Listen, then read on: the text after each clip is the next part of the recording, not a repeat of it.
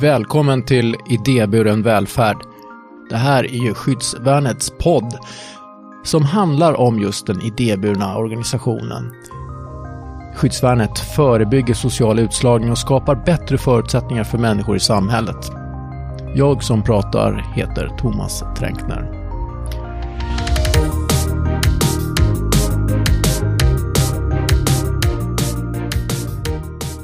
Idag ska du få träffa en tidigare ordförande i skyddsvärnet. Han heter Gunnar Engström. Han har tagit sig hit till Hornsgatan 123.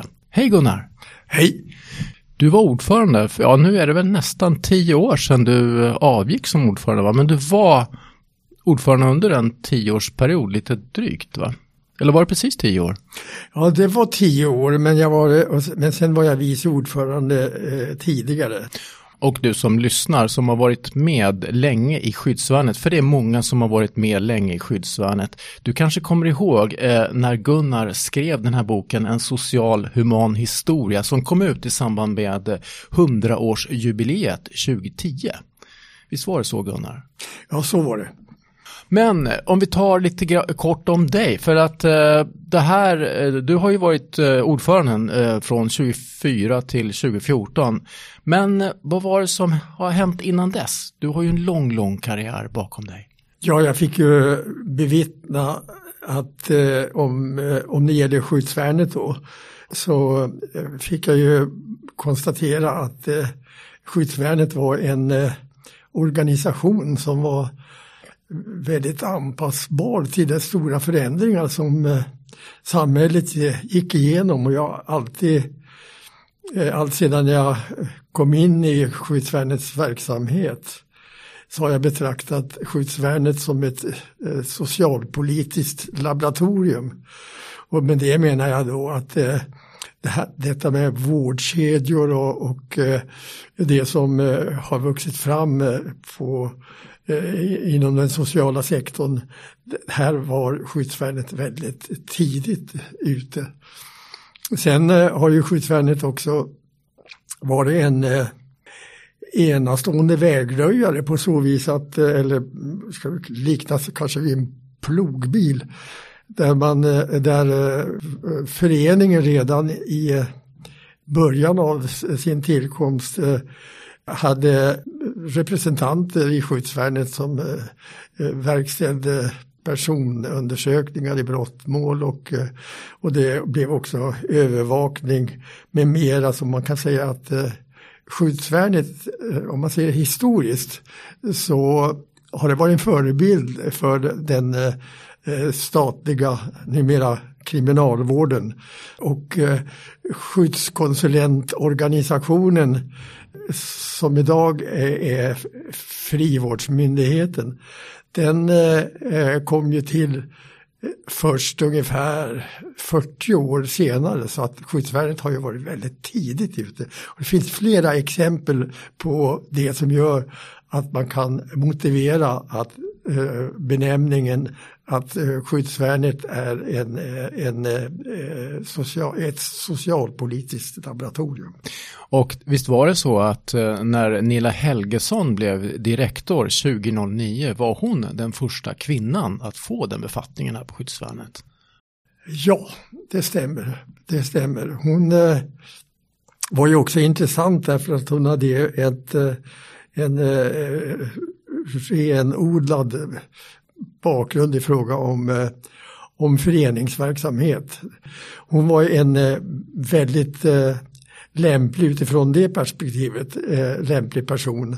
sen var det ju mycket andra egenskaper som hon hade, hennes drivkraft och hennes idérikedom som gjorde att hon var en given ledare för skyddsvärnet. Ja. Du själv har ju en bakgrund som fängelsedirektör på Hall. Men om vi går tillbaka ännu längre så berättade du för mig tidigare här att dina tankar var kanske att du skulle bli kock. Ja, det berodde på att eh, eh min eh, mor eh, var anställd i en butikskedja i Stockholm. Hjalmar Westerlunds efterträdare hade butiker runt eh, hela stan. Och eh, på Götgatan där hon var, var det ett eh, Eh, ett stort kök och där var hon anställd som eh, eh, kock kan man säga. Så, så planterade hon ju över intresset hos mig och jag hade dessutom då börjat jobba i butiken och kunde, hade lärt mig stycka och så vidare och så kom vi fram till att vi skulle öppna en, en butik med färdiglagad mat. Men det blev andra vägar. Ja, för att eh, du började ju plugga sen och eh, du tog en fil. kand. 1964 berättade du för mig i vårat förhandssnack här. Inom, du blev socionom. Ja, alltså jag var egentligen eh, på det här företaget som jag nämnde så började jag som varubud. Och jag ville då avancera och bli den som kunde få stå bakom butiken och sälja och det gick fort. Men eh, eh, sen var det någon som övertygade mig om att eh, jag borde gå på folkhögskola och skolan var ju inte mitt eh, ämne. Men jag följde rådet, sökte och antogs till Viks folkhögskola. Och det blev ju en, eh, en väldigt viktig upplevelse för mig. Där fick man läsa kärnämnena, fick, vi fick besök av Nils Ferlin Sara Lidman och, och eh, med flera. Och eh, det blev en, en fullkomligt ny upplevelse. Så det, den eh, rädslan som jag hade för studier tidigare, den hade, folkhögskolan hade någon sorts trampolineffekt. Så att den slungade ut mig i, i universitetsvärlden så det blev en eh, filkand och en socionom. Men vad var det folkhögskolan gjorde? Eller eh, fick dig att känna som inte så att säga den grundläggande skolan fick dig att känna? Det var eh, lärarnas engagemang. Och eh, sen var ju då bredden, det var inte bara det att vi skulle läsa in ämnena, vi skulle gå på teater och vi skulle ha andra typer av studiebesök och även utlandsbesök och sådär. Det var så mycket som ingick i det hela och inte det ständiga bara bokläsandet. Och allt det där, eh, den typen av eh, vuxenutbildning då, den eh, tilltalade mig och framförallt så befriade den mig från stress och annat så det blev raka vägen sedan in i högskole och universitetsstudier. När kom du i kontakt med det som idag är kriminalvården för att du började väldigt tidigt där? Mm, jag låg i militärtjänst i eh, Norrtälje, LV3. Och eh, sen i slutet av eh, straffet så det man kallar för muck alltså. Du tänker att militärtjänstgöringen var ett straff ja. alltså? Ja, nej, Likställa med att sitta i fängelse menar du? nej, men med muck innebar i alla fall eh, militär utryckning, civila kläder. Ja, det betyder det. ju så och ja. det innebar också en eh, möjlighet för mig att få lämna regementet en hel dag. För att jag var ju egentligen aldrig eh, soldatinriktad eller militärt inriktad. Jag, jag gjorde min, eh, min värnplikt och då hade en mamma till min kompis sagt att åh, jag har sett att det är en ledig vårdartjänst på ungdomsfängelset i Uppsala. Ska du inte säga åt eh, Gunnar att söka det jobbet? Jag tror att han är lämpad för det. Han verkar eh, utåtriktad och kommunikativ. Och på den vägen eh, så såg jag då möjligheten så jag ringde upp till fängelsedirektören Lundborg som han hette. Han var ju teolog och hade tidigare till och med arbetat som kyrkoherde. På den tiden på de dryga 52 anstalter som fanns i, när jag började i kriminalvården så var det faktiskt tre teologer eh, som var anstaltschefer. Och det här var sent 50-tal? Det var 59. Ja. Och eh, han eh, sa i telefon att eh, det, eh, jag är ledsen men eh, vi har eh, anst redan anställt en eller preliminärt anställt en person. Så att Ja, så jag, man kan väl få, ändå få träffa eh, fängelsedirektören. Man var inte du med eh, fängelsedirektören på något vis. Utan, och så tålmodigt då, så svarade han ja på det. Och så fick jag komma dit och han satte igång och förhöra mig och jag hade eh, sju små an och ett, två stora an i folkhögskolebetyget. Så att han började på att testa mig och förhöra mig. Helt. Det var rätt bra betyg du ja, hade. Ja, det var nog svårt att hitta. Jag var nog, hade nog den bästa, ja, jag vill inte säga det men det var, en, det, det var ett bra, sju, sju små an och två stora an, det, det, det var ju tilltalande. Eh, för, för fängelsedirektören. Och så såg han att jag hade läst eh, en kurs i religionskunskap. Och då var han ju intresserad, han var ju teolog.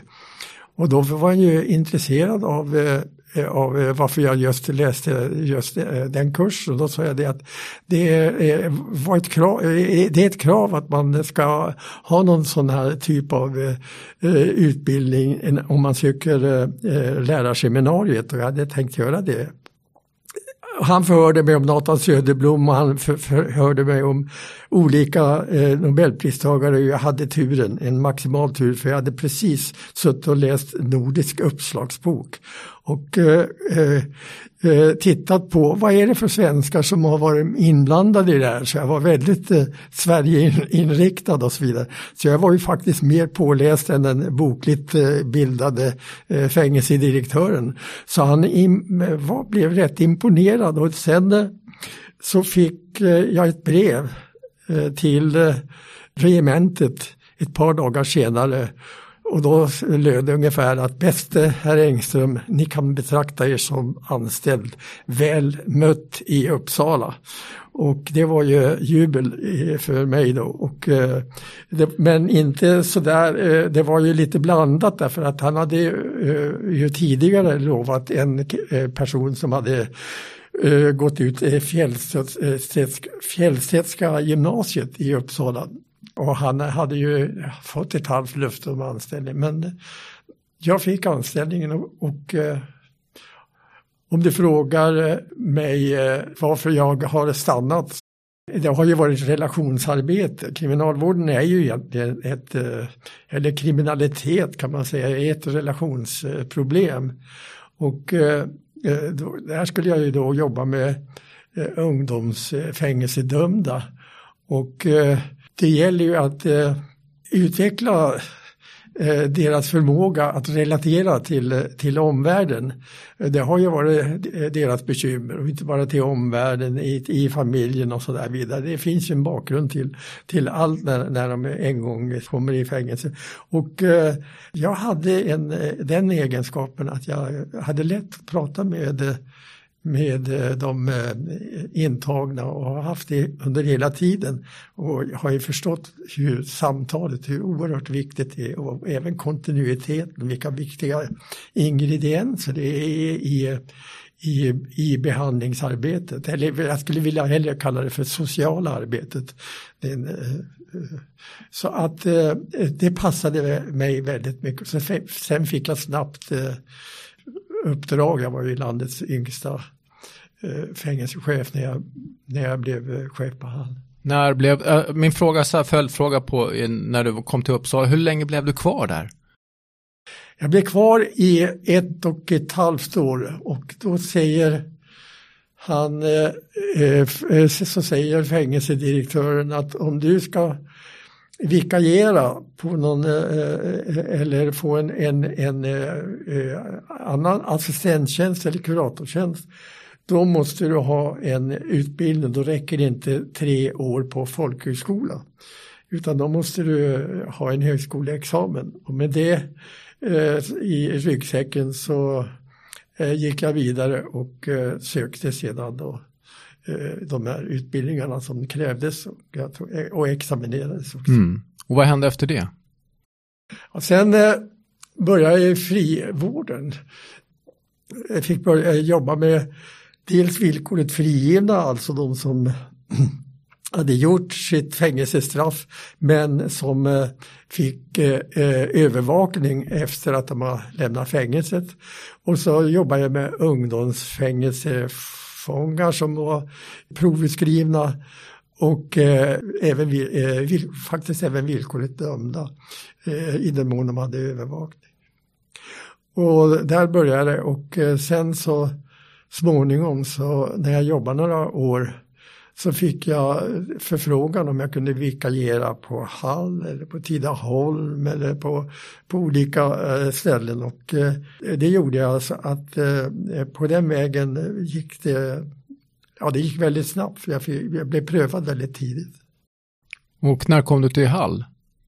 Och fick det jobbet som fängelsedirektör? 1970 blev jag chef där och eh, var där till 1975. Sen fick jag ett telefonsamtal från generaldirektören eh, som heter Bo Martinsson. Och han eh, ville att jag skulle starta Umeåregionen för det hade blivit en reform, en kriminalvårdsreform som innebar att man hade delat upp eh, landet i, i fler regioner. Tidigare var det en fem, sex stycken, nu var det tolv och då ville han att jag skulle eh, starta eh, regionen uppe i norr, i, i eh, norr och Västerbotten. Den förfrågan fick jag och det, han kunde bara fråga för det var ju regeringen som tillsatte de här tjänsterna men på förslag då utav generaldirektören. Så då eh, accepterade jag det och, och började som regionchef uppe i, i Umeå där vi hade kansliet. Så du flyttade till Umeå då? Förlåt? Du flyttade till Umeå då? Jag fick flytta till, eh, jag och familjen fick flytta till Umeå. Eh, lite gny från början från barnen men de var de som snabbast anpassade sig. Hur länge var ni där då? Eh, tio år. Det är en skapligt lång ja. tid. Ja. Det är ju så att det är stora ytor. Det är, man kan säga att den regionen den, den präglades av tre saker. Det var avstånd, eh, och alkoholism och arbetslöshet. Men låt oss komma in lite grann på skyddsvärnet. När fick du första gången kontakt med skyddsvärnet eh, här i Stockholm? Första gången jag fick ta, eh, fa, eh, eh kontakt med skyddsvärnet det skedde 64 Jag hade då börjat eh, eh, på ett frivårdsdistrikt i Stockholm och eh, eh då eh, behövde jag hjälp för att eh, de var utskriven, den personen då i det här fallet var utskriven ifrån fängelset och ingen, ingen bostad. Det var ju lite si och så med frigivningsförberedelserna. Och vad gör man då? Ja, det finns ju frivilliga organisationer och då ringde jag till skyddsvärnet eh, och eh, fick hjälp eh, att inackordera den här personen. Och det var första kontakten som sen kom att vara i flera tiotals år. Ja, och du jobbade en hel del med Björkahemmet också. Ja, jag jobbade inte men jag var väldigt, eh, eh, eh, hade väldigt mycket kontakt med Björkahemmet. Björkahemmet kom ju eh, 1968. Det var ju tidigare så eh, fanns det en liknande inrättning men det här var en nybyggnad som kom till 1968.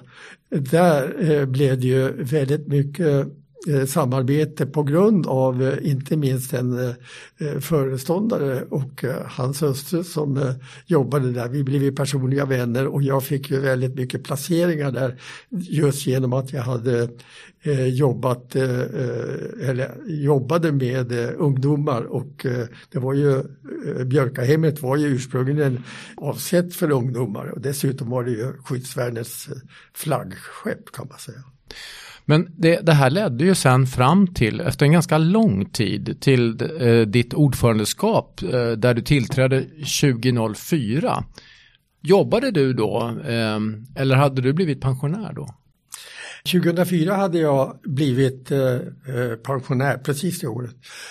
Men eh, dessförinnan när jag kom eh, ner, tillbaka till Stockholm så var det så att eh, jag blev ju regionchef här i, i Stockholm och fick ta, ta över Stockholmsregionen som innebar eh, Stockholm upp, eh, och Västmanland och, och eh, inom, Uppland. I, inom kriminalvården? Inom kriminalvården. Och då ingick det att eh, den som eh, var regionchef i Stockholm, han skulle ingå i skyddsvärdens styrelse.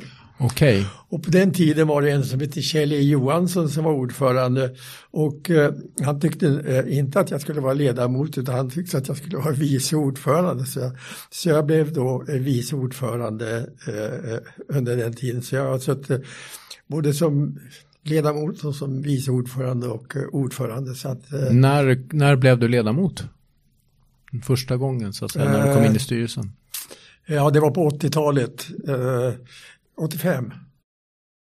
Så du hade nästan 20-årig erfarenhet av skyddsvärnet innan du tillträdde som ordförande? Ja. ja. Vad var det du kom till då som ordförande i skyddsvärnet? Och det här är ju faktiskt snart 20 år sedan.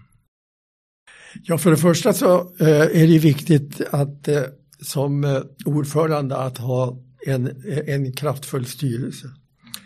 Och eh, styrelsens uppgift är ju bland annat att hålla reda på ordföranden så inte han eh, eller hon tar ut svängarna för mycket utan det gäller ju att samråda och analysera och, och ha ett underlag innan eh, beslut fattas. Och i den konstellationen som fanns i den styrelse som jag hade att leda, den var ju enastående. Vi hade då kända jurister, vi hade från kyrkan, vi hade från journalister och läkare och sådär. Så det var en, en blandning. Riksdagsledamot också var med va? Förlåt? En riksdagsledamot var med också. Elisabeth Markström. Ja, hon var väldigt kortvarig. Du är på, verkligen påläst. Jag hade en mycket stark styrelse. Viljeinriktad, engagerad, kunnig. Mm. Vilken roll spelar styrelsen i eh, skyddsvärnet om vi jämför med andra styrelser i kanske ja, privata organisationer? För det här är ju en, eh, ska säga, en ideell förening på något slags sätt. Eh, som vars vinst går tillbaka direkt till verksamheten. Man kan säga att styrelsen eh, eh, eh, för skyddsvärdet den präglades av en ständig närvaro. Hela tiden så ville man vara informerad och man hade mycket idéer ibland så satt vi inte i en bestämd lokal och hade styrelsesammanträdet utan vi åkte ut och förlade styrelsesammanträdena på, på någon av de enheter och fick eh, på så vis kunskap om verksamhetsinnehåll och lära känna de medarbetare som var verksamma. Om du skulle välja ut någonting som hände eller som du medverkade till under här, de här tio åren som ordförande som du verkligen kommer ihåg och kanske är extra stolt över, vad skulle det vara? I den mån jag har ja, dels känner mig stolt och dessutom påverkad så är det eh, just eh, att jag fått in mycket eh, kompetent folk som har kompletterat mig. Jag är inte läkare, jag är inte eh, präst eller eh, teologiskt eh, utbildad på något vis. Men jag fick in alltså människor som, som var väldigt eh, kunniga. Och kanske det jag ska vara stolt över det var att när jag var chef på Hall då var det nästan omöjligt att få ut de internerade. Det var ju de som har gått hela vägen. De hade gjort kanske 15 år i, i fängelse och sen så fick de internering för de betraktades som eh, eh hopplöst eh, eh, eh, återfallsbenägna. Och, eh, och hur skulle man kunna få in dem? Och det eh, lyckades jag med tack, på grund av min Eh, Eh, nära vänskap och det förtroende som fanns mellan eh, Lennart Väldevara och mig och han hade då eh, ansvaret för eh, Björka. Och det var en öppning för att eh, från Hall hade det inte kommit någon sån placering överhuvudtaget. Så att eh, på den eh, på, på, så vis så var det en närmast revolutionär handling utifrån både Eh, anstaltens perspektiv och utifrån eh, frigivningen eller frivårdens eh, perspektiv. Om vi vänder på den här frågan och ställer frågan vilken den största utmaningen var under den här perioden. Vi kom alltså in i ett läge där mycket av ska säga, intäkterna kommer ju från myndigheter, offentlig upphandling och sånt här. Och kan det ha varit en, en fråga för er Eh, i, i, din roll som styrelseordförande, vad som var tuffast under den här perioden? Ja, det tuffaste eh, i den här perioden det var på 90-talet därför att eh, på den tiden så, så var det lite svajigt med ekonomin och Göran Persson var då finansminister och han kallade in generaldirektörerna och, och eh, sa att nu är det, handlar det om att få ordning på era budgetar och sådär. Så han eh, skrämde väl vissa utav eh, de eh, eh, ämbetsverkets chefer. Och eh, det innebar ju också att eh, hur är det med kriminalvården? Eh, och då hade vi eh, Skyddsvärnet hade ju abonnemangsavtal. Det innebar ju att eh, man fick eh, betalt för eh, platserna oavsett om de användes eller inte. Men abonnemangsavtalen skulle bort och man skulle rensa bort en, eh, en hel del utgifter. Och det här drabbade ju skyddsvärnet. Eh, och de blev då, eh, skyddsvärnet blev då hänvisat till, till ramavtal och till eh, öppna marknaden på ett helt annat sätt. Så det handlade då om upphandling och annat. Och det var eh, en, en, svår, eh, en svår uppgift. Så att eh, under den tiden fick skyddsvärnet göra sig av med tre behandlingshem och lösa det finansiella. Och att man överlevde den perioden, det var ju en, en prestation. Dessförinnan hade ju också en massa föreningar eh, bildat eh, olika behandlingskollektiv. RFHL, eh, Daytop, Vallmotorp med mera. Men det var ju kortvariga tid, korta tider som de eh, var verksamma och det var väldigt mycket svart konst på den tiden. Vad var det egentligen? Hade man eh, möjlighet att påverka så man fick fram det här mera Eh, långvariga beteendeförändringarna? Eller var det det andra, det var mycket finansiellt som styrde det hela. Så att, eh, men det var en svår period för, eh, för skyddsvärnet. Men det låg ju bakom min tid för jag tillträdde ju då senare. Och då hade ju man anlitat en konsult, hur rädda skyddsvärnet och Eh, då hade vi en av ledamöterna som också ingick i min styrelse men eh, som har varit väldigt länge verksam. Han heter Bertil Metzger. Och han eh, hade ju en, en, en unik kunskap och kunde gå igenom verksamheten och bidrog starkt till att man fick skyddsvärdet på benen så att det kunde fortsätta vidare. Mm. Och idag så är det ju 2023, våren 2023 och det är nio år sedan som du slutade som eh, styrelseordföranden och, eh, eh, och då tillträdde Thomas Ekebom. Jag vet ju att du har ju väldigt god kontakt här med Nilla. Ni träffas ibland, kanske senast igår hörde jag att ni åt lunch. Vad är det du ser när du betraktar skyddsvärnet kanske lite mer utifrån nu de här senaste åren? Om du skulle sätta lite ord på det. Nej, jag, tycker, jag, jag, jag eh, ser skyddsvärnet som en, eh, eh, att de fortfarande har en väldigt god utvecklingspotential. Nu pratar man om bolagsuppköp och så vidare och det som egentligen är viktigt att framhålla i sammanhanget det är att man har en en person på rätt plats och då talar jag om eh, Nilla Helgesson. Eh, hon hade ju stora eh, förväntningar på sig när hon en gång tillträdde. Men hon har ju i eh, eminent grad eh, motsvarat förväntningarna. Så att skyddsvärnet, om man ska se det genomgående då bakåt i tiden, så har det varit mycket, mycket eh, starka styrelser Ja, vi får väl se vad hela den här idéburna sektorn tar vägen. Det finns ju en organisation som heter Famna som verkar för att den idéburna sektorn ska få en större andel av hela den här kakan inom omsorg.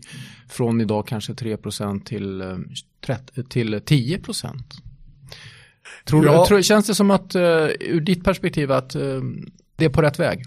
Ja, för det första är ju Famna en, någon sorts uh, paraplyorganisation och nödvändig för att eh, då eh, påminna statsmakterna om vikten av den ideella sektorn. Om eh, den ideella sektorn inte fanns så skulle vi behöva kanske mellan 300 och 400 000 eh, människor eh, som, eh, att, eh, som skulle då ersättas, hur det nu ska gå till. Så därför så, eh, så är det oerhört viktigt med eh, civilsamhället, eh, den idéburna organisationen och skyddsvärnet och med sitt sociala arbete. Allt detta är viktigt. Men det har stärkts under tiden för att inom den politiska sidan eller på den, ja, inom den politiska sidan har ju man eh, förstått, det. Skedde, ju, började ju redan på 2010-talet, så, så fick man upp ögonen för att eh, den idéburna verksamheten den eh, ska ha en starkare ställning. Och eh, så har det ju blivit. Och det, jag tror inte eh, att det kommer att ske några Eh, Eh, förändringar utan att ambitionen kommer att vara Mm. För att eh, det här handlar inte bara om att hjälpa människor som det här egentligen hela allting syftar till. För att jag tycker vi kan nästan sluta där vi började med att den här verksamheten är ett socialpolitiskt laboratorium och skyddsvärnet fungerar som en plogbil. Så att det är egentligen helt en, en, ett, ett utvecklingslabb här för idéer där man prövar det. Exakt så är det och eh, vi kommer att få uppleva eh, mycket förändringar framöver här. Det, det, har vi ju redan på dagordningen och, och därför så är just skyddsvärnet eh, så viktigt därför att man har, aldrig, man har kunnat tänja på gränserna, man har kunnat tänka fritt och, och eh, också med snabbhet hantera och anpassa sig till eh, de förändringar som sker i samhället.